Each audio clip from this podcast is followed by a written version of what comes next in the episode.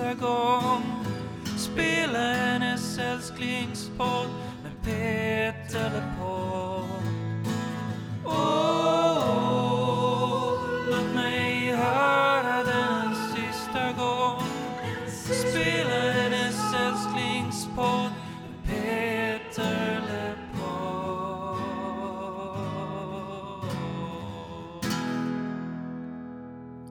Välkommen hem. Välkommen till det 40 avsnittet av Peter LePodd. Vi har nått den punkten på 10-talet då Peter LeMarc gjorde det som annonserades ut som hans sista spelning inför publik. Det som har kallats för den sista valsen. Men de flesta kallar den spelningen för Skeppsholmen. Det är väl mest han som har kallat den för den sista valsen. Så kanske det. Och i det här avsnittet så ska vi prata om just den här kvällen, den här spelningen och vi ska faktiskt också prata med några människor som var där. Jag heter Tony Savela och med mig så har jag Emil Gustafsson Ryderup. och Emil. Berätta mer för mig om den här kvällen. Jag var inte där. Inte du heller Tony. Vi har säkert nämnt i podden hur det kommer sig, eller varför det kommer sig. Eh, men det jag vet var ju att det var en fantastiskt fin kväll. Jag tror att det började regna en halvtimme efter spelningen. Om jag minns det jag hört rätt. Men det var väldigt, väldigt varmt. Och alla som var där den här kvällen var väl där i princip då för Peter Lemark och hans sista spelning. Och det var den 2 augusti 2014. Var det alltså nästan exakt då eh, sju år sedan? Vi spelade, vi spelade in det här den 3 augusti. Med lite marginal sju år sedan detta. Jag har med mig idag Peter Lemarks egna ord. Någon sorts resa fram till den här kvällen. Vill du Tony att vi startar med det? Det tycker jag låter som en bra idé. För 1993 så gör han ju den här bejublade och väldigt omtyckta turnén. Och sedan så slutar han spela live. Och då säger han 1995 på frågan om han inte ska turnera igen att Jag lider enormt mellan kvällarna. De timmar man sitter i en turnébuss, är på hotellrum och sådär. Det är prestationsångest, scenskräck, jag vet inte vad det är. Så 1995 så har han inga planer på att spela live igen. Sen år 2000 dock säger han att han håller på att arbeta med sitt mående och det handlar om deep shit. Men han lovar där att jag står på scen innan 2001 års utgång. Ha tålamod. Det skulle inte ske. 2004 så pratar han om att han hade tänkt släppa en dubbel-DVD med massor av innehåll på. Och bland annat är då en sorts hemlig intim livekonsert. Men det blev aldrig av. Men året efter 2005 så kommer han ju spela på Nalen som vi har pratat om. Och då säger han ju att eh, det här gav mer smak så ha förtröstan. Även om den spelningen bara var för inbjudna och inte riktigt var en spelning utan- utan mer en inspelning. Och sen så spelar han ju då 2007 och turnerar i eh, ett par svenska städer. Och då säger han efteråt då att de euforiska och överrumplade mottagarna jag fick under turnén 2007 gav mig gåshud och mer smak. Det finns så många av mina låtar jag aldrig spelat live. Jag kommer att handplocka dem omsorgsfullt inför då den här 2010-turnén som han skulle göra. Men han ställer in den. Och sen blir det tyst i, ett, i några år. Men sen skriver han plötsligt på sin eh, gästbok att lördagen 2 augusti ger jag min första konsert på sju år. Då den här konserten på Skeppsholmen. Han nämner alltså ingenting här om att det skulle vara hans sista konsert. Men det är hans första då på sju år. Sen skriver Expressen i en artikel i juni, det vill säga två månader innan konserten, att Artisteriet får sättas åt sidan och han, det vill säga Peter, vet inte hur länge det kommer att vara så. Men han berättar för Aftonbladet att det handlar om minst 5-10 år innan han kommer göra något mer. Om ens det. Detta kan bli hans sista liveframträdande. Så inte ens här så pratas det om det som den sista valsen.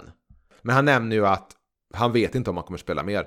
Eh, och detta beror ju då att eh, hans fru får en cancerdiagnos här 2014.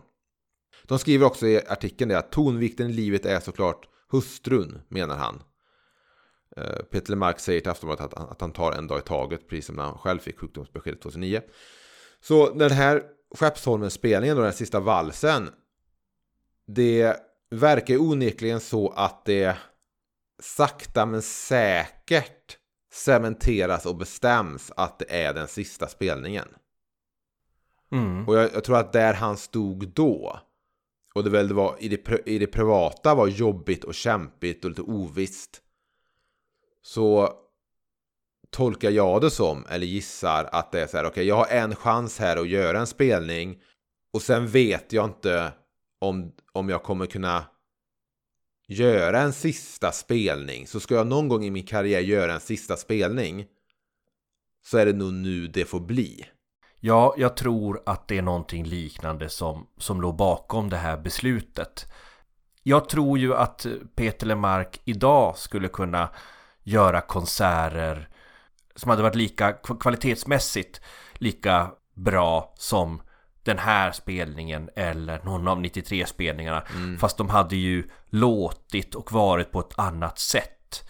Jag tänker att energin hade ju blivit annorlunda. Ja, men energin får ju vara vad den är. Det är bara, det handlar nog om, som, som du är inne på och jag var inne på att okej, okay, nu kan jag göra en, en spelning och kalla det min sista. Eller så kan det vara en framtid här där jag inte kommer orka eller kunna spela live mer och då fick jag inte den där utannonserade sista spelningen. Det jag tycker bara är tråkigt och det har väl nämnts i eh, podden är att man kan ju också se det som att det har varit den sista spelningen på sju år. Och så kan man ju bara vara lite mindre obstinat. Backa bak lite och tänka att ah, jag ger mig ut på vägarna igen. men det är så här, alltså, men, men, det är bara, men så här, hur... bara så här, jag förstår att det handlar om andra saker än att stå vid något löjligt ord man sa på Skeppsholmen. Men det jag, det jag vill säga bara är att liksom Gulvi och Björn som åkte ner för att se Petter Mark första gången 2014 kommer inte skriva till konsumentombudsmannen om det råkar vara så att de såg den enda spelningen med Petter Mark på 15 år. Hur mycket av det här säger du för att du vill få en till chans att se honom? Det är klart att det ligger någonting i det att jag, jag vill se honom live, ja. Det är klart att, att det är svårt att liksom inte ha med det. Men sen finns det väl även andra saker jag lägger in i det också. Att jag säger som min mamma sa. Men han har ju fortfarande rösten och han har ju fans som vill höra honom. Mm. Han kan väl bara spela lite. Ah, så här, skulle Peter Lemark annonsera att han skulle spela igen Givetvis hade jag blivit glad och givetvis hade jag tagit chansen att se honom ja, Vi har ju vårt vad Jag minns inte om det var september 2023 eller september 2024 Men låt ja. oss säga då, eftersom han här i, i till Aftonbladet säger att han på 5-10 år i alla fall inte kommer göra någonting mer Så säg september 2024 Så är jag relativt säker ja. Att som sagt att han kommer stå på scenen Jag tänker så här att det finns någonting vackert i att sluta med flaggan i topp. Och som den här konserten är bevarad nu så har jag ändå känslan av att han slutar här som liveartist med flaggan i topp. Den här spelningen går ju alltså och se och höra mm. på Youtube där den finns utlagd. Man ser eh, tydligt att han har en snusdosa i fickan eller har haft på jeansen. Det är ett märke efter Det är det också min mamma eh, noterade och nämnde vid ett par tillfällen. Jag såg nu konserten igen inför avsnittet. Det var just mm. det var just det eh, att han har, han har en jävligt snygg skjorta och mm. måste han ha en snusdosa i fickan. När jag tittar och, och, lyssnar på den här spelningen mm. som är Skeppsholmen och, och, platsen har ju fått namnge den här spelningen. Man pratar ju inte om Stockholm Music and Arts utan man pratar ju om Skeppsholmen. Mm. Så, så, när jag lyssnar och ser på den här så slår det mig att de här 39 avsnitten mm. som har föregått det här 40 avsnittet, har byggt upp till den här spelningen. Alltså vi hade lika gärna kunnat basera hela den här podden Mm. allt vi gjort hittills på det här ögonblicket på den här kvällen 2014 och vi hade kunnat gå igenom den här spelningen under 40 avsnitt och gjort nedslag för att sen liksom gå tillbaka till diskussionen om alla de här plattorna, alla de här människorna och alla de här upplevelserna som han nämner eller sjunger eller alluderar till under den här spelningen. Men, men låt oss innan vi går in på allt detta prata lite grann om musikerna. Peter hade ju med sig ett, ett till stora delar nytt gäng för den här spelningen av, av kompmusiker. Ett gäng väldigt skickliga musiker. Jerker Odelholm på bas. Ola Gustafsson på gitarr. Marcus Olsson på piano och saxofon. Och Thomas Hallonsten på Hammondorgel och trumpet. Och ingen av oss två Emil var ju mycket riktigt som du sa inte där den här kvällen. Och hur många gånger vi än ser den här videon på Youtube så kan ju inte vi föreställa oss hur den här upplevelsen var. Men det finns ju faktiskt en person som hade total överblick över hela scenen och hela publiken och som bokstavligen satte takten för kvällen. Och det var ju trumslagaren Andreas Dahlbäck. Och vi har faktiskt pratat med honom om den här kvällen och hans tidigare samarbete med, med Peter Lemark. Men eh, jag tycker att vi låter Andreas presentera sig själv. Okej, jag heter Andreas Dahlbäck och är producent då och vad är jag? Trummis från början ju. Eh, Men numera också mixtekniker. Och så har jag ju då studion Durango Recording i Stockholm sedan 1999 tror jag. Är många år nu. Men ja, det, och så bor jag på Gotland. det, är väl, det är väl det som är om mig tror jag. Sen är det inget mer att berätta.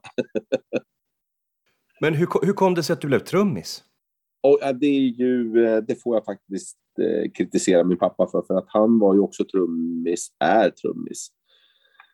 Eh, han spelade med till exempel Fläsket brinner, kanske man känner till på 70-talet. Eh, och så massa jazzmusik han spelat och sånt där.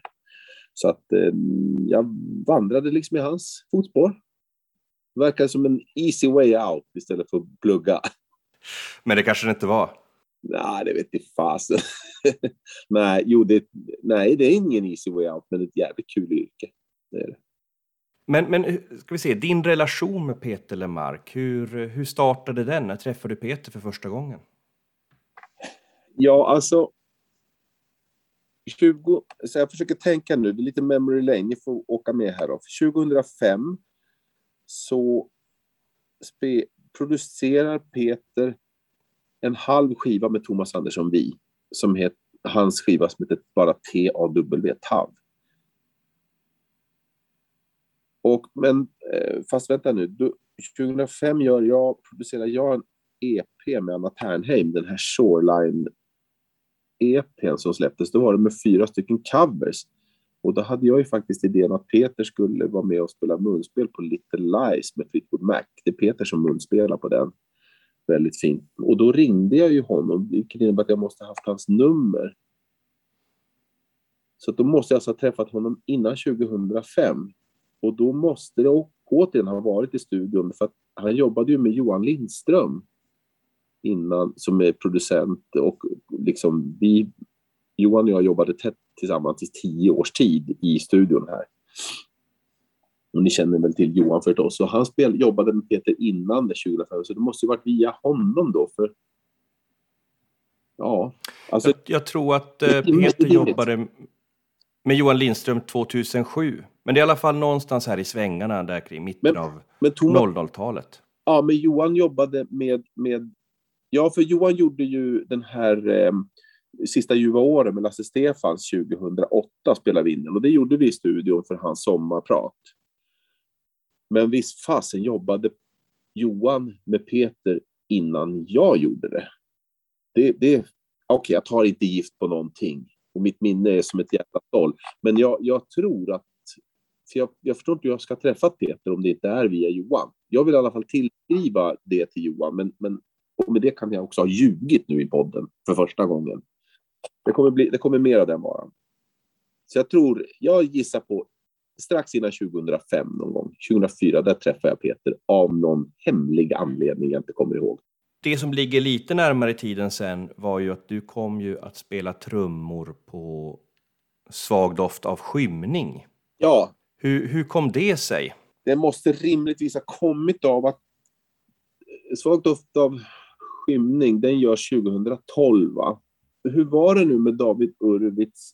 Som, för David Urwitz, vi gjorde ju en skiva som, måste jag tänka, vilken var det vi gjorde? En gång i världen var det va? Men du producerar ju så långt det är möjligt med David Urwitz också 2009 väl? Ja, men den var väl inte Peter med på? Eller jo, han spelar munspel. Han spelar munspel. Jajamän, återigen. Jag helt enkelt Peter använde- spelar alltid munspel. Peter spelar munspel på mina produktioner där på 00-talet. Han måste väl ha gillat mig på något sätt. Jag kan inte få det till något annat. Nog, nog kunde han ha hittat en bättre trummis än mig till den där skivan. Nej, men vi måste ha tyckt det varit kul att jobba ihop bara. Hur var din upplevelse av att jobba med Peter i studion? På just den skivan, eller överlag, Ja, i- överlag, eller om jag tänker just på, på Svag doft. Det, det är en skiva där man hör trummorna väldigt mycket. Jo, ja, men det är nog Peters kol att hålla dem starka bara i mix. Men, men eh, alltså, han, Pe- Peter är ju väldigt... Eh, han tycker om tempo. Det här har ni säkert hört av andra också. Och jag har aldrig varit med om att det ska gå så jävla fort som det med Peter. Det är, en, det är någonting annat. Just den nyss nämnde David, David Urwitz-skivan, den är 11 spår lång om jag inte minns fel här nu. Och då gjorde vi sex spår ena dagen och fem spår andra dagen. Och då jobbade vi från, ja, som jag minns det, från 10 på måndagen till sex på kvällen. Och då går Peter hem och då är det lunch mellan 12 och 12.45. Då står han i köket och äter eh, och slevar i sig någonting som man har tagit med sig. Man börjar 10 och då, man kommer inte 10, man börjar spela 10. Då, vill Peter, då kan han liksom klappa med händerna i ett rum så här. Nu vill inte jag klappa starkt så att det blir i nickarna, men så här. Och sen så bara, ja, okej allihopa, då är det dags att börja tänka på inspelningen här. Eh, och sen håller han då anförande om, om vilken låt det är, för han, han skriver ju liksom manus då, kan man säga. Den här låten ska, det ska vara den och den Kabassa-figuren från den och den låten och det ska vara ett sånt basljud från den där Paul McCartney-låten och lite grann, tänk linjen från Back in the USSR och på trummor är det Ringo-sound med det är väldigt tydligt vad man ska göra. Och sen så ska vi lösa det då, för det ska vi kunna. Och sen bara, okej allihopa, nu kör vi, kom igen, öka, öka, öka, öka. Och pratar man så kunde han hyscha oss i studion. Det är också en udda grej. Det, det, man blev hyschad när man var barn. Men att som vuxen då man kanske, vad sa han om den där... Eh, Okej, Okej, då är vi tysta nu. Då vill han ha koncentration. Det som blir med det där är ju också att det blir, det blir ju felspel. Man kan ju inte, man hinner inte. Det finns inte en chans att spela de här sakerna rätt. Om nu rätt är att spela, jag menar, vi pratar ju feeling. Peter vill åt en feeling. Han vill att det ska kännas att man är på tårna. Och det är man ju. Det får man definitivt när man liksom inte hinner med. För att en, två tagningar per låt, kanske tre, men då, då börjar han ju inte tycka att det är kul längre. Hur, hur upplever du det själv som studiomusiker då? Är det roligt eller är det ångestfyllt? Jag tycker att det är kul, för jag gillar det, den trycket. För att det, det är också orimligt att man ska kunna... Blir det fel då, så, så kan man inte klandras riktigt. Det, är så här, det, det här tempot är inte normalt. Att inte hinna prata igenom. Eller att han berättar hur det ska vara och sen så måste man anteckna fort som fan. Och sen går tåget. Då vet man att nu... Han är också en sångare i studion som likt eh, andra så här bra, eller bra, ja vad ska man säga, han, han, är ju, han är ju en jättebra sångare men jag skulle nästan hellre lägga Peter i facket att han han sjunger sina texter, han presenterar sig, han är en textförmedlare mer än att han är, att det är wail och, och tonsäker, att den grejen är inte fokus. Nu kanske är det för Peter, jag menar inte att trampa honom på tårna på något sätt, men jag tycker att han, precis som kanske Rundell och andra i den här genren, att man, det är texten som är det viktiga. Sen att Sen hur man sjunger, det är också viktigt, men det, det är ändå lite tvåa på den. Så när han har fått ur sig en text och känner att nu, nu levererar jag den, kanske med några sura toner, who cares? Då är det tagningen vi har. Och då hoppas jag vid Gud att ni har spelat rätt. För han vill ju inte att man rep, lagar heller. Han tycker inte om att laga. Det är yttersta nödfall. Hörs det på Svag doft av skymning finns det var tillfälle med någon av låtarna nu var det du, du, du. Bästa stunden på dagen. Jajamän. Där tror jag att vi har lagat ett virvelslag. Den går lite för fort för mig. Jag, jag kan inte riktigt spela den låten. Så jag, jag tror att jag har någon video på det där när jag säger att nu, nu kan inte jag spela den mer för att jag, mina armar blir så... Musklerna blir så... Jag är så dålig teknik. Va? Och jag för mig Jerker spelar fel ton på den. Så vi ville laga. Jag fick tillåtelse för trumslaget hördes. Men Jerker var, var så här, varför ska du laga för? Ja, men jag spelade liksom fel ton ett par slag då. Och då bad han att få lyssna för att leta efter var. Och då mutade Ronny Lahti som var producent på den skivan sången för att det lättare skulle höra basen. Var på Peters skrek i kontrollrummet. Vad gör ni? Stopp! Och så stannar man då. Ja, vi ska ju lyssna efter felet. Ja, men inte utan sången. Ingen annan ska göra skivan utan sången. Spela igen och så lägger ni sången där den ska vara på skivan. Hör ni felet då, då får ni laga det. Kan ni inte höra felet då, så är det ju inget fel. Sen att du vet om att du spelade fel, det är en helt annan sak. Men det är ingen annan som bryr sig. Jerker hörde aldrig vad felet var. För att han var ju så pass bra på mörkare, så att det, han hörde aldrig. Och då blev det ingen lagning. Vi, vi tänkte ju då eh, gå över till Skeppsholmen, Ja, som det här avsnittet kretsar kring. Minns du när du blev kontaktad för den här spelningen? jag hade ju ett problem för att jag hade ju sagt ja till... Jag skulle ut och spela med Ulf Lundell den sommaren. Det här är ju 2014. Och så blev jag kontaktad av Peter som redan då sa på en gång att vill du vara med på min sista spelning? Jag ska göra på Skeppsholmen och det vill jag ju. Det vore ju, får jag säga, ja, gud vad roligt. Och då på ett tidigt stadie så hade då Jerker Odelholm, Ola Gustafsson och jag tackat ja. Och så fanns det inga keyboardister. Och Peter frågade mig om jag kände till någon och då tänkte jag på dem vi hade på Lundell-turnén då. Marcus Olsson och Thomas Hallonsten. För de hade ju samma schema som mig. Så jag föreslog dem och så kunde de då. Det här var då, det här var på våren. Ja, det var nog ganska sent på våren också. Ja, och så skulle vi då trockla ihop det här med repen. Jag vet att det var inte så många repdagar, kanske sex stycken eller någonting sånt där. Jag tror inte vi hade tid med mer. Jerker hade liksom, var väl ute säkert med Winnerbäck och Ola var nog och spelade med någonting då. Och så vidare med Ulf. Så att det var, vi hade inte så många repdagar, vilket var fint med Peter för att han gillar ju också händer något spontant som blir tokigt på scen så är ju han den första att gilla sånt. Han gillar den spänning som blir, så det var nog inga problem för honom. Men hur är det då när, för du inte spelat med honom live innan, så får, fick du då, då får ju du en, en setlist eller en uppsättning låtar du aldrig har spelat live. Om du inte har ja, hängt mycket på karaoke kanske eller något sånt. Så hur tar du dig an det? Vi visste ju allihopa att det var lite tid, så alla hade ju redan plankat låtarna. De, det är klart att de, de, var inte, de är inte helt omgjorda från skivan. Nog känner man igen dem från skivorna, men någorlunda då. Men formerna stämmer ju inte riktigt. För att Peter har ju, jag tror, var det inte så att till och med första låten så springer han iväg från publiken? Första låten där mellan månen och mitt fönster, den slutar ju ett ganska stort crescendo. Ja, Och eh, du får ju exempelvis gå, gå ut i ett, jag vet inte om man vågar kalla det för trumsolo, men, men åtminstone piska på stämningen ganska rejält. ja men det var ju inte så repat. För att med så få repdagar så repade vi liksom inga längder och så där, därför som Peter har ingen aning själv. Utan det var ju bara så att han flaggade ju för att jag kommer att springa ut mycket bland publiken och jag tror att Ola hade väl spelat med Peter innan. Eh, jag är osäker här, men jag tror att han spelar live med honom. Jag är osäker som sagt, men, men visste i alla fall att han kommer att bli en galning på scenen när han väl kommer dit. Så att då får man, då var det ju bara, det är väl Hallon som solar i första orgelsolo där på första låten.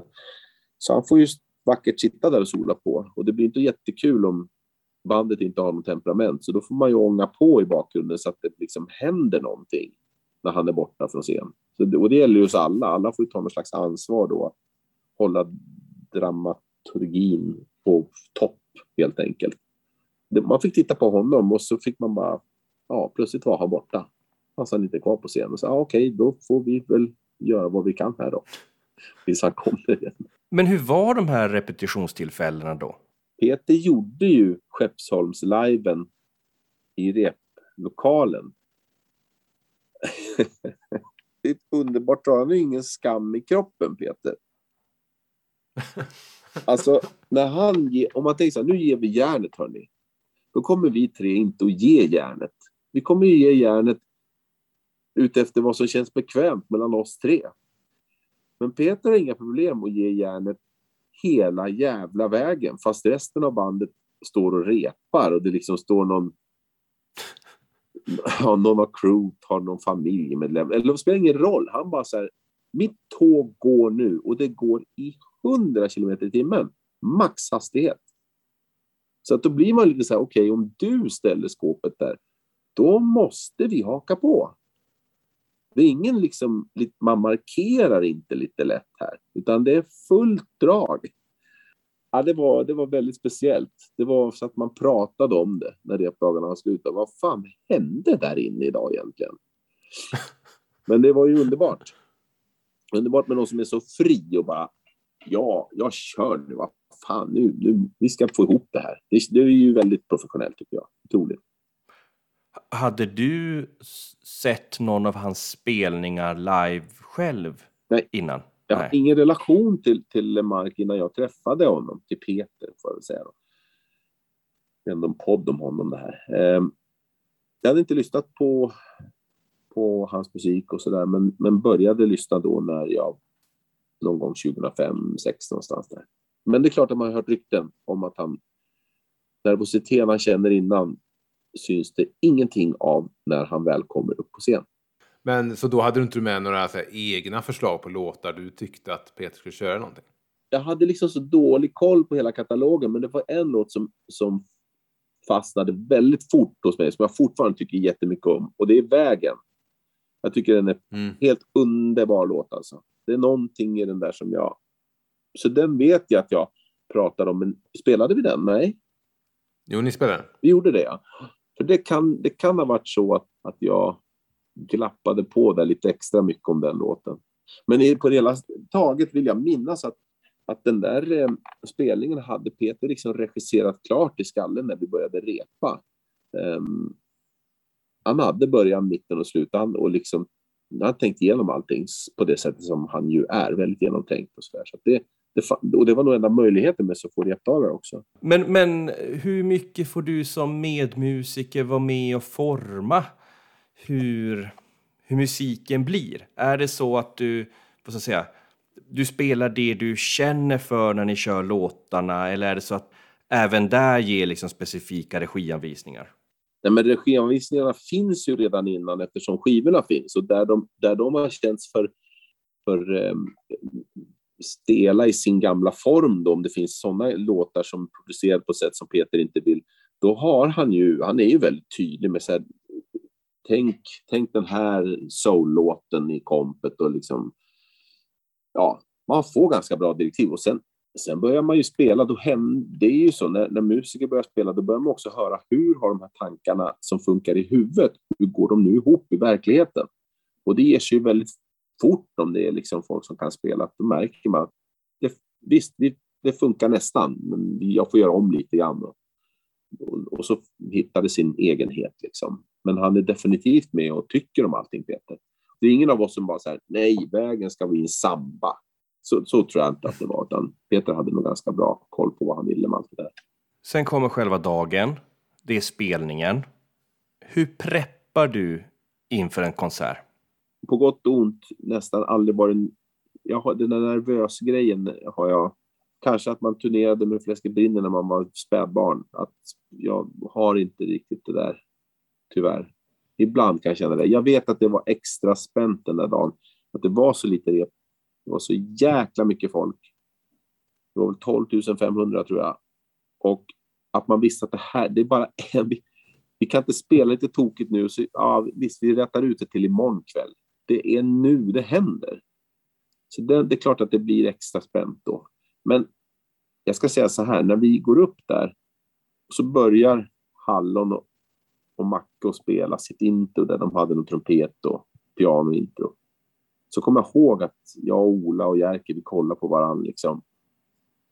Och de, Hallon spelade ju på på trumpeten och fraser man inte kände igen från repet. Så man bara, okej okay, du, du, du, du väljer att gå upp och jamma nu bara inför de här.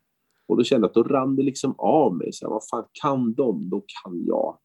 Så jag bara, nu kör vi, nu går det här tåget. Det här är bara att njuta av.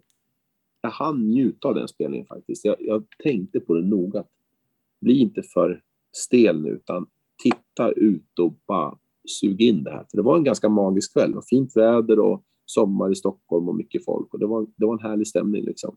Var det en annan energi än under en vanlig turnépremiär eller turnéavslutning? Nej, det tycker jag inte. Inte från mitt perspektiv. När man gör en turnépremiär, då, jag, jag får ju jämföra då med, om jag jämför med någon så blir det lite med Ulf eftersom det är lite samma två män och, och så vidare. Men när man gör med Ulf så gör vi ofta hela turnéer och då har man samma energi att man ska få starta en turné. Man, den här, vad kul det ska bli ikväll och man är liksom på hugget och alltihopa. Men med Peters spelning så hade man också, fanns det ju en sentimental grej, man visste eftersom det här är också slut sen. Mm. Och den, där bakar man ihop det då, sista spelningen på en Lundell-turné eller någon annan artist man spelar med, då har man ju den. Efter det här så är vi liksom, ska vi flyga iväg åt olika håll och det kan alltid vara lite sentimentalt. Här var ju alltihopa i samma, samma dramatiska två, två timmar och 15 minuter eller vad det nu var. Så att, ja, det, var, det är klart det var laddat.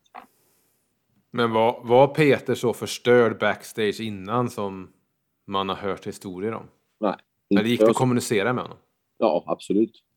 Vi hade ju någon loge där, någon länga eh, och då kunde vi hade ju våran och han hade sin, men det var inte mer än att det var fördraget med tygdraperi. De hade inga väggar. Så plötsligt började Peter sjunga upp. Eh, och då fick vi stänga av vår bandspelare om vi hade någon, eller du vet, så bara, ah, nu hur han nu sjunger upp, jag kommer inte ihåg, men ja, det är ju bara tyg här alltså, Alla hör ju det här. Men det var inget, eh, vi var där inne vill jag minnas och liksom kanske till och med tog en skål innan, jag kommer inte ihåg, men Per Lindholm var väl där också tror jag. Som också producerade Svag från skymning då. Jag jobbat med Peter i alla år. Han, han var där vill jag minnas. Så. Ja, det var, jag tyckte jag minns det som att det var ganska avspänt faktiskt. Och sen från själva scenen, du säger att du njöt av spelningen. Har du några specifika minnen från själva gigget?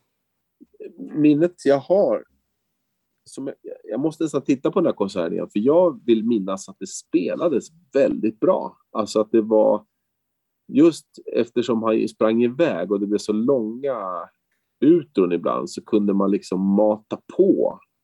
Och det var ju väldigt kul för oss så det är ju som musiker kul. Jag vet inte hur kul det är för publiken, men för de, de får ingen kontakt med sin artist plötsligt. Han bara försvinner. Jag menar, går han ner istället, då är det ingen som ser honom förutom tio personer istället för 12 000. Och kvar står då ett gäng farbröder på scen som jammar och tycker det är kul. Men för oss var ju det jätteroligt. Det var ju liksom skitkul. Ola brände på med någon sol och alla liksom soler. Det var klart att det är asroligt. Det får man ju väldigt sällan göra. Det finns väl några unga artister som axlar den typen av spelningar, men idag är det ju mera liksom Michael Jackson-aktiga shower. Det är väldigt eh, maxat. Alla minuter är maxade och genomtänkta så att det ska bli kul att titta på, kul att lyssna på för alla och inte bara för nu är det kul för gitarrister i publiken i tre minuter. Men för alla andra är det bara jobbigt just nu. Men eh, på tal om det, vad tycker du rent generellt om trumsolon? Nej, men det, oh, jag tycker att det inte är något kul. Jag, tycker att, jag fick ju göra trumsolo på Per Gessle-turné som jag gjorde för par, tre år sedan innan sommartider. Plötsligt så puttar Per ut mig. Gör tumsolo. Jag bara, vad fan, liksom lampa på. Man bara, ska gå upp och spela och hitta på något. Ja, det var hemskt. Men efter Skeppsholmen, konserten är färdig, ni kliver av scenen. Hur, hur mår man då? Ja, det, var, det var, tyckte jag var, eh, det var en skön känsla då. Jag minns att eh, vi knall, ja, det var väl någon eftersittning någonstans på något ställe vi kunde mötas upp allihopa då. Då gick jag därifrån med Ola. Han hade sin cykel och någonstans vid Grand Hotel så passerar vi två journalister. Jag undrar, kan det ha varit både Aftonbladet och Expressen? Vi hörde att de pratade lite om det och vi, vi gick bara förbi och så sa vi hej och sen så gick lite fortare för vi skulle kunna. Då vet jag att någon av oss sa så här. Det kommer se bra ut i tidningen imorgon. det var ju så här. Jag tror Aftonbladet skrev det fullbordat eller någonting sånt där. Att det, det var enorma. Ja, det var så här. Vad ska vi ta till? Hur ska vi liksom maxa det här i text så att folk förstår hur bra det här har varit? Men det kände vi också. Jag tyckte att det var väldigt bra spelning. Så att det, jag tyckte att det var rätt att använda stora ord där. Det var inte en, jag tyckte inte man, man, de skrev att det var fantastiskt av någon slags, det här är det sista vi får se av Peter live, så därför ska vi nu ge en eh, tack för, för, allt. Utan den, den där spelningen, som jag minns det, den var fan värd sina fem plus. Den var väldigt bra. Fan, blir man inte sådär när man har gjort en sån jävla spelning och man känner bandet har liksom i den här konstellationen känt på varandra för första gången och samarbete med Peter, är man inte jävligt sugen på att bara fortsätta en turné? Jo, det är klart att man är det. Det var väl innan Skeppsholmen så vet jag att jag och Peter var och tittade på lite, vi var på något ställe i stan och kollade på något spel. Så här, här skulle man kunna spela. Jag försökte liksom sälja in idén att han skulle göra, parkera på ett ställe i stan och så sälja biljetter att jag, jag, jag, spelar här, jag är ingen annanstans. Jag vill inte åka någon annanstans, utan jag, jag, är här. Och så länge som stället säljer slut så spelar han. Men det blev ingenting av med det, så att man hade liksom... Ah, vi visste att det, det, här, den här, den här farbrorn kan vi inte ändra på. Vad är din relation till Peter idag? Det, det är några månader sedan vi hördes, men, men vi, vi hörs ibland. Man försöker liksom elda igång honom. Vi pratade om honom senast idag faktiskt, om att man ska försöka tända en liten brasa där på något vis. Man bör, om man inte vill spela live, då kan man ju spela in, tänker jag. Fasen, han, är han, har han verkligen slutat med musik? Jag har svårt att se att man kan... Jag, jag har svårt att se att man kan sluta med det, men, men med det sagt, Gomes säger att han, han kommer att spela live igen. Jag är inte hundra på det. Alltså jag kan ju också, det kanske är så att man kan bara, nej, nu är jag klar med det här. Det är något vackert med bokslut också. Ja, det är det. Och jag tror att Peter faktiskt gillar det. Jag har svårt... jag spelar ju med en annan man som har gjort bokslut några gånger, men som det aldrig riktigt blir bokslut med. och han, han kan ju inte sluta. Och jag tycker inte heller att han ska, Ulf alltså, jag tycker inte att han ska sluta. Det finns liksom ingen poäng. Han är, han är en fantastisk liveartist, Ulf. Han är grym på scen. Varför ska han sluta för? Det finns ingen anledning. Fortsätt in i kaklet, säger jag. Ja, det finns någonting också konstruerat onödigt med ett bokslut. Ja, man kan, man kan verkligen se det här ur två synvinklar. Att göra ett bokslut och sen hålla sig till det, det blir ju jäkligt coolt när ridån går ner för personen i fråga och historien ska skrivas. Liksom. Det är ju häftigt med det. Men det kan också vara häftigt. Jag menar, nu om man tänker Bob Dylan då, som är hans, han är inne på en neverending tour. Och det är inte så jäkla kul alltid att se Dylan nu för tiden, för att han, han är ju lite trött på sina egna låtar sedan ganska många år tillbaka, gör om dem så att man knappt känner igen dem.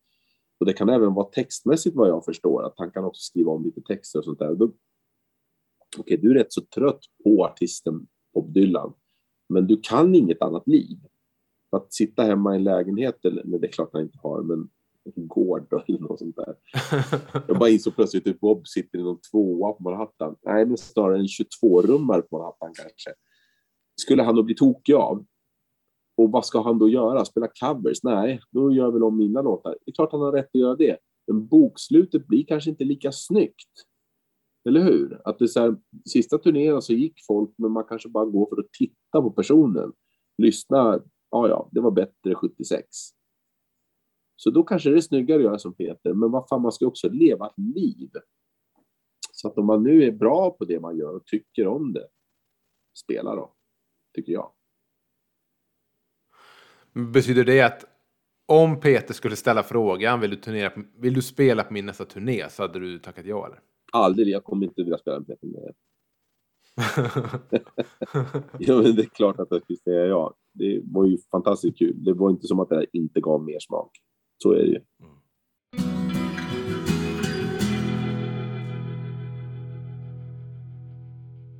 Ja, tack till Andreas Dahlbäck då som eh, bjöd oss på, jag vet inte, kanske den sista intervjun vi gör i den här podcasten. Mm. Emil, låt oss då prata om den här spelningen och vad som skedde den här kvällen. Vad, vad tycker du? Vad tycker du om den här spelningen? Eh, det är fantastiskt kul att man, som du sa, kan se den på YouTube. Och eh, få uppleva den på något sätt i alla fall, även om man inte var där. Jag tycker såklart att det är en skitbra spelning med bra tryck. Eh, från bland annat Dahlbäck som vi precis pratade med. Han är ju lite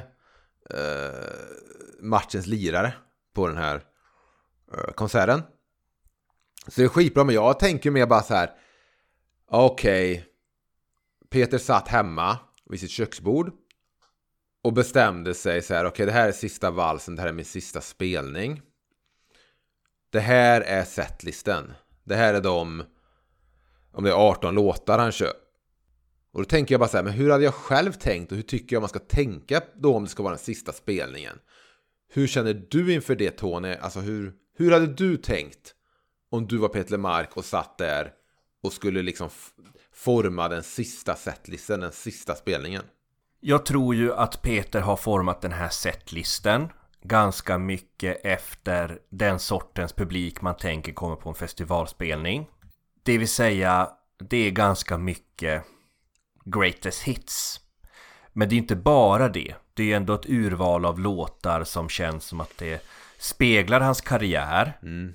Ja, jag förstår att det finns en skillnad i en setlist eh, för en festival och för en vad ska man säga, betalande publik som står i en konserthall just för dig. Men jag tror att eftersom det också är den sista spelningen så tror jag de skillnaderna försvinner lite mer. Så jag tror inte det spelar så stor roll om han stod Nej. i en konserthall och körde sin sista spelning. Då tror jag också det fortfarande varit någon sorts greatest hits, någon sorts, du vet. Han hade stått där för att celebrera.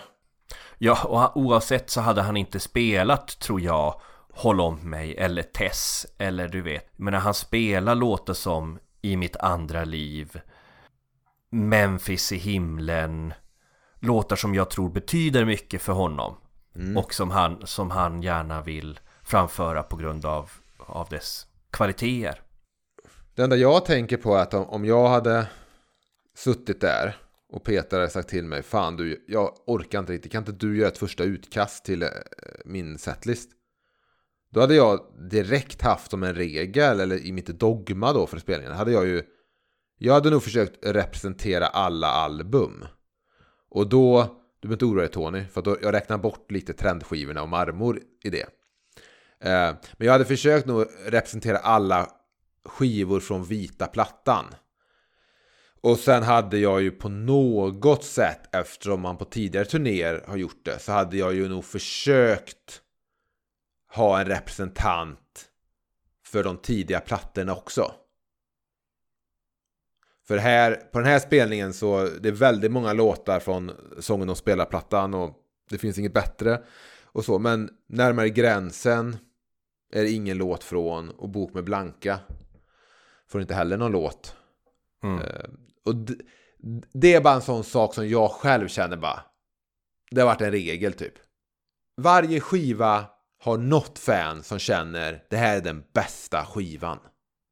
Och då ska på något sätt varje skiva bli representerad. Det är, det är väl det jag, så jag hade tänkt lite. Men ehm, så det är tråkigt. För när jag, så jag satt och tänkte lite så här på hur jag skulle lagt upp spelningen. Jag redan från, alltså när vi startade den här podden, vetat hur jag skulle starta spelningen. Om du vill veta vilken one-two punch jag skulle starta med. ja, kör. Ja. Jag hade startat med Vägen. För att den låten startar genombrottsskivan. Och är en av de st- stora Peter-låtarna. Så jag hade startat med Vägen och sen innan den ens hinner klinga ut så hade bandet gått all in i Välkommen hem. Möjligtvis att Peter till och med tar fram tamburinen som man kan se han spelar med på 90-turnén. Och sen har jag ju slängt in så här, det finns inga mirakel från uh, närmare gränsen. Jag hade möjligtvis också kunnat ha haft med låten närmare gränsen. Uh, också hade varit en, en uh, ett alternativ.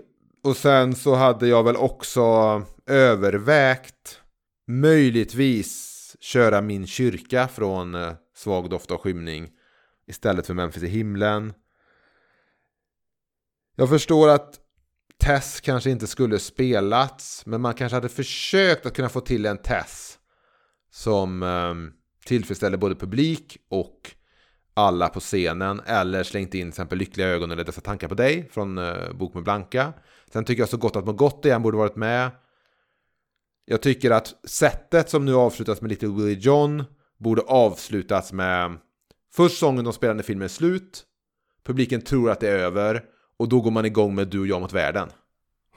Mm. Extraspåren på konserten är ju Vaggsång klockan fyra, Nio broars väg över lina. Jag hade avslutat med Mellan månen och mitt fönster, sen ända till september och sen avslutat hela konserten med Little Willie John. För jag är nog inte riktigt så intresserad av att prata om, du vet, vad spelningen kunde vara. Ja, det är det enda jag tänker på. nej, men, nej men jag, jag är mer intresserad av att se liksom vad, vad spelningen nu är. Och visst hade du kunnat, du vet, göra den här setlisten på hundra olika sätt. Kom klappa Och- min kanin, full version. Hur man än hade lagt upp den här jag menar så hade ju alltid någon blivit besviken Och eh, jag tycker att den setlisten som vi får här nu tycker jag är väldigt fin Givetvis hade jag velat ha några fler deep cuts Ja, alltså jag, Men- jag vill inte få det framstå nu som att jag sitter här och typ eh, känner så här, ah, två av fem, hur ska vi fixa till det här? Det enda jag, jag känner bara utifrån dogma att bara representera alla skivor, så borde det slängt in en närmare gränsen-låt och en bok med blanka-låt. Och möjligtvis då kom Klappa min kanin i full version. Möjligtvis. ja. Inte så här, inte, det behöver inte vara garanterat. Men man kan känna lite på det när man står där. Låt i alla fall, vet, Andreas Dahlbäck och grabbarna, Ola Gustafsson, låt dem bara repa in Kom klappa min kanin full version. Utifall att vi får feeling. Nej, jag, jag tycker det är en fin setlist eh, som det är. Och om jag får nämna eh, den första av två låtar som, som jag skulle vilja prata om. Den första eh, låten kommer redan som, som tredje spår på spelningen. Och det är Jag ska gå hel ur det här. Och det är en sång som jag tror den här gången när jag har lyssnat på den i den här liveupptagningen. En sång som har träffat mig med större kraft än de gånger jag, när jag har hört den tidigare eller när vi har diskuterat den tidigare i alla fall i den här podcasten. Och det tror jag är för att vi just har haft den här diskussionen om de, om de fyra första albumen som vi har haft i de här fem senaste avsnitten då vi har avhandlat trend och marmorperioden. För det är ju den här versen som Peter sjunger som vi kanske har reciterat förut men låt mig recitera den igen på nytt. Jag lämnade staden, jag skulle ge igen. På alla jag mötte, jag spelade högt. För jag föddes för att lyckas, så jag satsade allt. Jag gav ett liv för ett annat, jag skulle ge igen tusenfalt. Men när jag sjöng min historia, jag skrek mig hes. Då fanns det ingen som hörde, nej.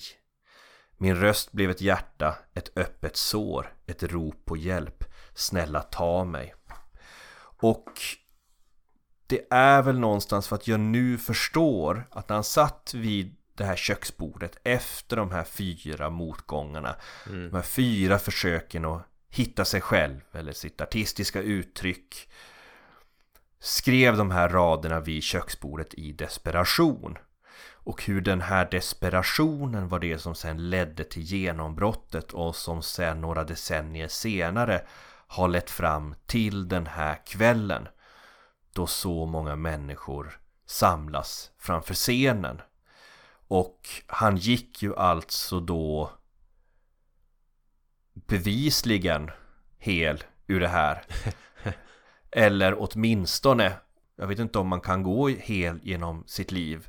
Men han har åtminstone tagit sig fram, han har gått hela vägen fram till, till det här ögonblicket. Du, du, du mäter på något sätt att gå hel ur någonting som att man kan stå och, liksom fyll, fylla en spelning på Skeppsholmen.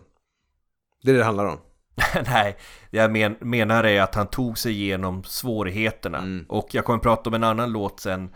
Där jag vill nämna att, att ehm, man gör det inte helskinnad. Man går inte igenom livet helskinnad. Men han har åtminstone tagit sig till det här ögonblicket. Och med det i backspegeln som vi just har pratat om i podcasten. Om de här första tuffa åren.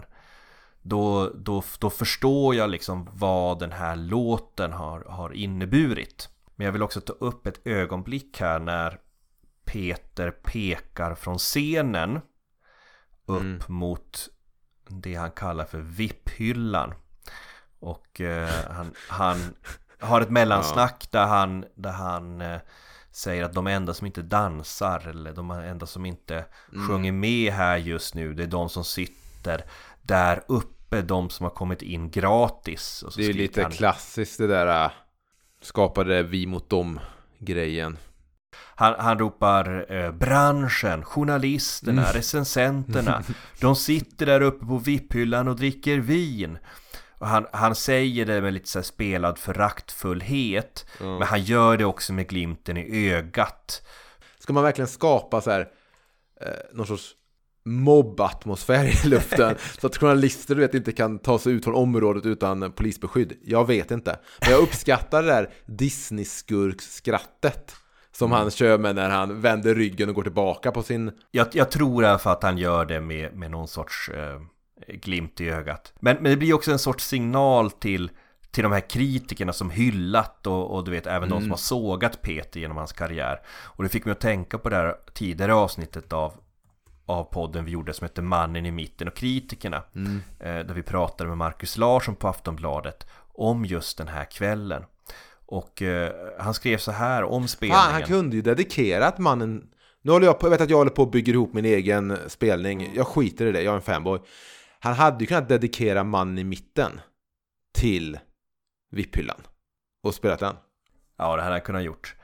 Marcus Larsson på Aftonbladet, han skrev i alla fall så här om spelningen. Det låter perfekt. Det låter även som om varken Lemark eller publiken, de som vuxit upp och gift sig och skaffat barn och skilt sig med och till alla serenader och ballader, vill släppa taget om musiken. Versionerna är långa, långa. Mot slutet av konserten, när Lemark åter rusar ner i publiken, får han syn på min kollega och Nöjesbladets recensent Håkan Sten och väser Sågar ni det här får ni en fisk. Du kan behålla fisken, Peter. Är det någon låt som du eh, har fäst dig vid under den här spelningen? Jag tycker det är modigt att spela Nio Broars väg i encoren som näst sista låt. Och lita på att publiken ska ha armarna i luften. Det är väldigt fint, men jag gissar väl att Peter sedan 2007-turnén visste vart han hade fansen i relation till låten Nio Broars väg. Ehm, sen tycker jag Älskar för första stund är lika vacker som alltid. Och sen tycker jag det är både intressant och väldigt fint ur hur han har arrangerat ända till september där den start, startar lugnt och fint som 2007 och på 17 sånger men att den sen går igång som den i citationstecken ska göra. Så det blir jättefint. Enligt September är ju eh, som vanligt alltid en favorit och den är ju väldigt, väldigt bra live här. Mm. Jag nämnde ju, jag ska gå hel ur det här tidigare och det som har Mm. varit den andra höjdpunkten för mig är ju en låt, den låten som du tyckte då skulle ha invigit spelningen, just Vägen. Mm. Som jag tycker kommer väldigt bra här i setlisten. Mm. Och jag har tänkt så mycket på Vägen här nu på sistone. Känt hur den liksom har gått, verkligen har växt till att mer och mer bli en av mina stora favoriter med, med Lemark. Mm. Den här sången, just den här kvällen tycker jag blir så vacker. Och det är en sång jag tycker blir vackrare ju äldre Peter är när han sjunger den. Ja. För att det är ju hit vägen har lett. Och det blir ju något triumfatoriskt. Är det ett ord? Eh, Jag vet inte, jag är inte helt säker. jag tror det.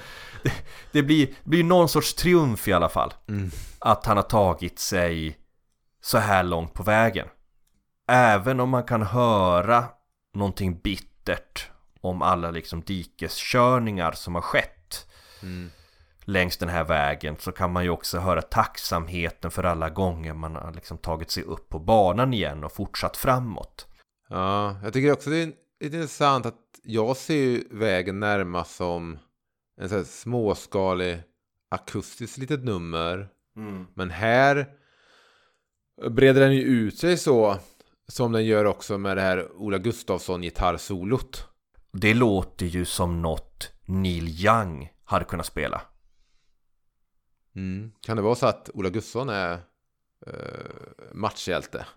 Eh, Kanske det är han som är det, men ja, för det gitarrsolot hade ju inte kunnat få vara med om låten hade legat startat konserten och sen gått sömlöst in i Välkommen hem. Så det är ju en fördel med att man lägger låten här mot slutet av konserten. Kanske hade Ola liksom varit och sett Neil Young den här samma helg och, och blivit inspirerad. Kvällen innan, ja, Ja, för han spelar ju också på Music and Arts där. Ja men det här, den här, eh, det här solot är ju fantastiskt. Det har liksom någonting rått, någonting vilt och någonting levande. Mm. Och som förvandlar vägen som du säger till, till liksom en rocksång som den alltid burit inom sig. Eh, och där och då så känns det verkligen som, som kvällens vackraste sång. Och, och jag, jag kommer att tänka på det som Peter eh, senare skulle sjunga själv att han bär alla sina åldrar inom sig och det här Mm. vi har pratat om att, att leva nära sitt förflutna. Jag tror att även om det bara är en illusion och även liksom eh, det är det vad jag upplever när jag lyssnar på den här sången så så känns det som att när Peter sjunger den så är han tillbaka liksom där, du vet, i de här hundåren. Och det kan jag känna när jag har hört honom framföra den här låten andra tillfällen också att det är som att han skriver den varje gång han sjunger den. Precis, lite så jag känner med Jag ska gå hel ur det här också. Att det är en låt som är svår eh, att köra på slentrian. Eller du är bara pliktskyldigt spela. Verkligen. Och, och det säger ju någonting att, att jag tycker att det, de, de två finaste ögonblicken den här kvällen är just från Vita plattan, från genombrottsskivan. Men jag vet inte om jag pratade om det här i 2007-avsnittet, men efter vägen och innan lite Willie John som avslutar liksom, ja, sättet innan encoren, eh, så kör han ju Vänta dig mirakel. Känner du samma sak där om Peter, att han alltid, som att han sjunger den där och då första gången när han kör den också? Eller känns det lite mer som han pliktskyldigt ger en present till publiken? Jag skulle faktiskt inte säga att någonting den här kvällen känns pliktskyldigt. Men det blir en annan sorts låt. Det blir det ju en låt som, som handlar om en gemensam fest. Och de tillfällena är viktiga. Ja, det förstår jag. Det är lite, nu tänder vi i, eh, nu tänder vi arenan och konfettin sprutar låt. Jag förstår det, men det blir lite som när jag ser ett band som heter Pearl Jam och de kör de här tidigaste 90-talshitsen. Att det nästan är så här, wow, just ja. Det var det bandet de var en gång i tiden också. Så kan jag känna lite, kan jag känna lite vänta, mirakel. Jag känner så här, vem är Peter som sjunger den här låten nu? Men jag förstår också att det är en låt som får igång allt så in i helvete. Jag vet inte, det låter här som nu som jag sitter i någon så här äh, nagging Nancy och sitter och pratar om hur konserten borde varit. Jag tycker den här konserten är fantastisk. Från Mellan månen och mitt fönster som är en fantastisk version och som startar den här konserten till att han avslutar med Evelina så hade jag också gett en fem eller sex, möjligtvis sju stjärnor i Tetela. Eller du vet, strömkarar i Tetela. Men, eh, ja, men just Vänta dig mirakel är bara en sån låt jag känner lite att det är så här. äh, Ja, varför? Ja, mm. Men det, men det är också för att vi på något sätt lyssnar på den nu och tittar på den i efterhand. när du väl är där så är det något annat. Då är det ju liksom Ja, ett då- stuffparty. Då, det är en sån låt som, som har svårt, tror jag, att överleva en inspelning. I synnerhet eftersom den, den går väl in i en lång bandpresentation. Och sen så blir det ännu ett ärevarv i publiken och ett, Jag ett långt 40 jam. 000 vänner på Facebook. Men hur många vänner har man egentligen?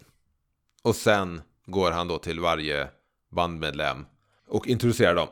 Mm. Och frågar om de är hans vän. Ja men för, för sen så försvinner ju den låten i ett långt jam där För han ger Ja. sig ner i publiken sen och Mm. precis som Andreas sa så var det ju en kväll med långa jam Och precis som Marcus Larsson skrev det tidigare så är det ju en, en kväll med, med långa, långa låtar Men kan du inte bara, bara inte för att jag ska liksom framstå som den Disney-skurk som Peter skrattar som vid ett tillfälle under den här konserten.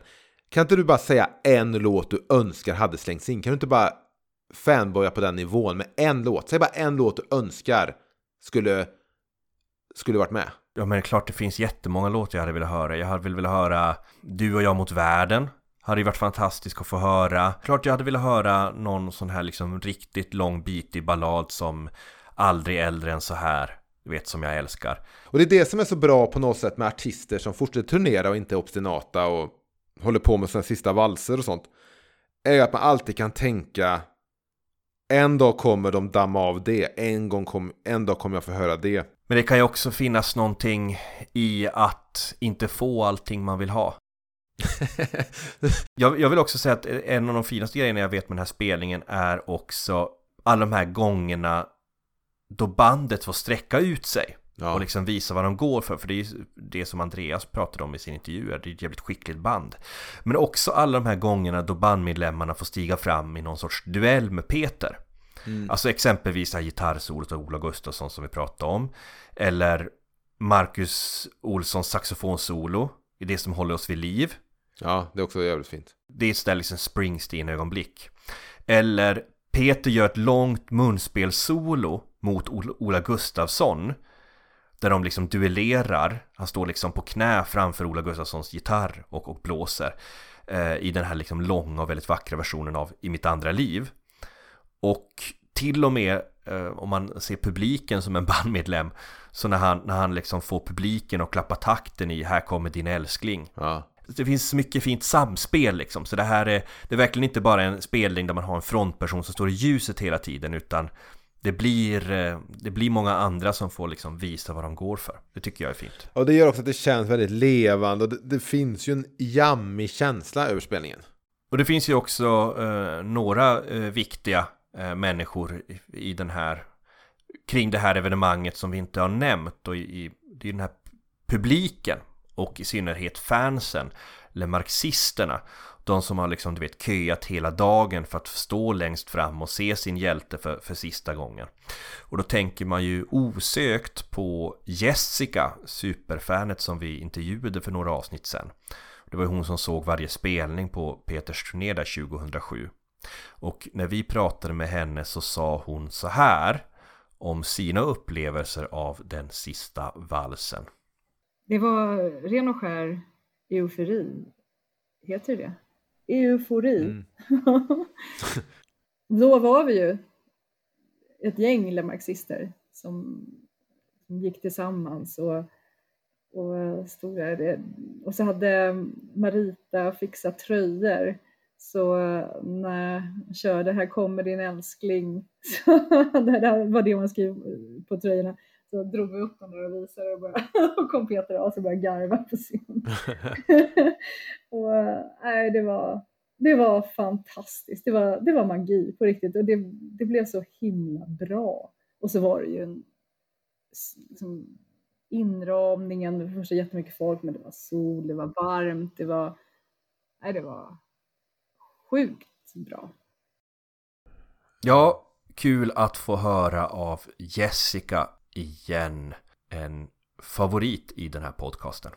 Är det någonting du tycker att vi bör ta upp om denna spelning på Skeppsholmen som vi har missat?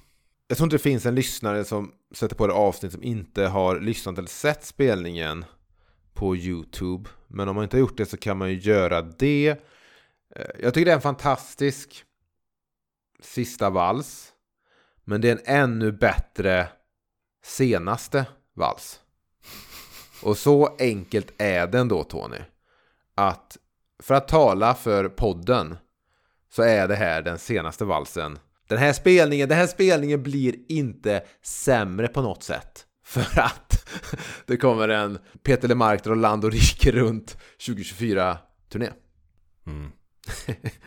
Jag, jag hör vad du säger. Och givetvis hade jag önskat en stund när man får sitta framför Peter Lemark när han håller en gitarr i sina händer och sjunger en sång. Givetvis hade man önskat ett sånt ögonblick att få uppleva i sitt liv. Men om det är så att Peter Lemark själv mår bättre av att aldrig ställa sig på en scen igen och därför aldrig gör det så tycker jag att det är jävligt häftigt att han kunde kröna sin livekarriär med den här spelningen och sätta ett bokslut och sätta ett officiellt farväl till sina fans. Och sen, visst, då innebär det att vi fans som inte var där den här kvällen på grund av många orsaker eller för att vi inte hade upptäckt honom vid det här tillfället eller för att vi inte hade råd eller vilken orsak det nu var att vi inte befann oss där den kvällen, att vi inte var födda ännu. Jag var ju arg på Neil Young. så jag vägrade åka till Stockholm fram. Ja. Men oavsett så, vi, ja, visst, vi får leva med det.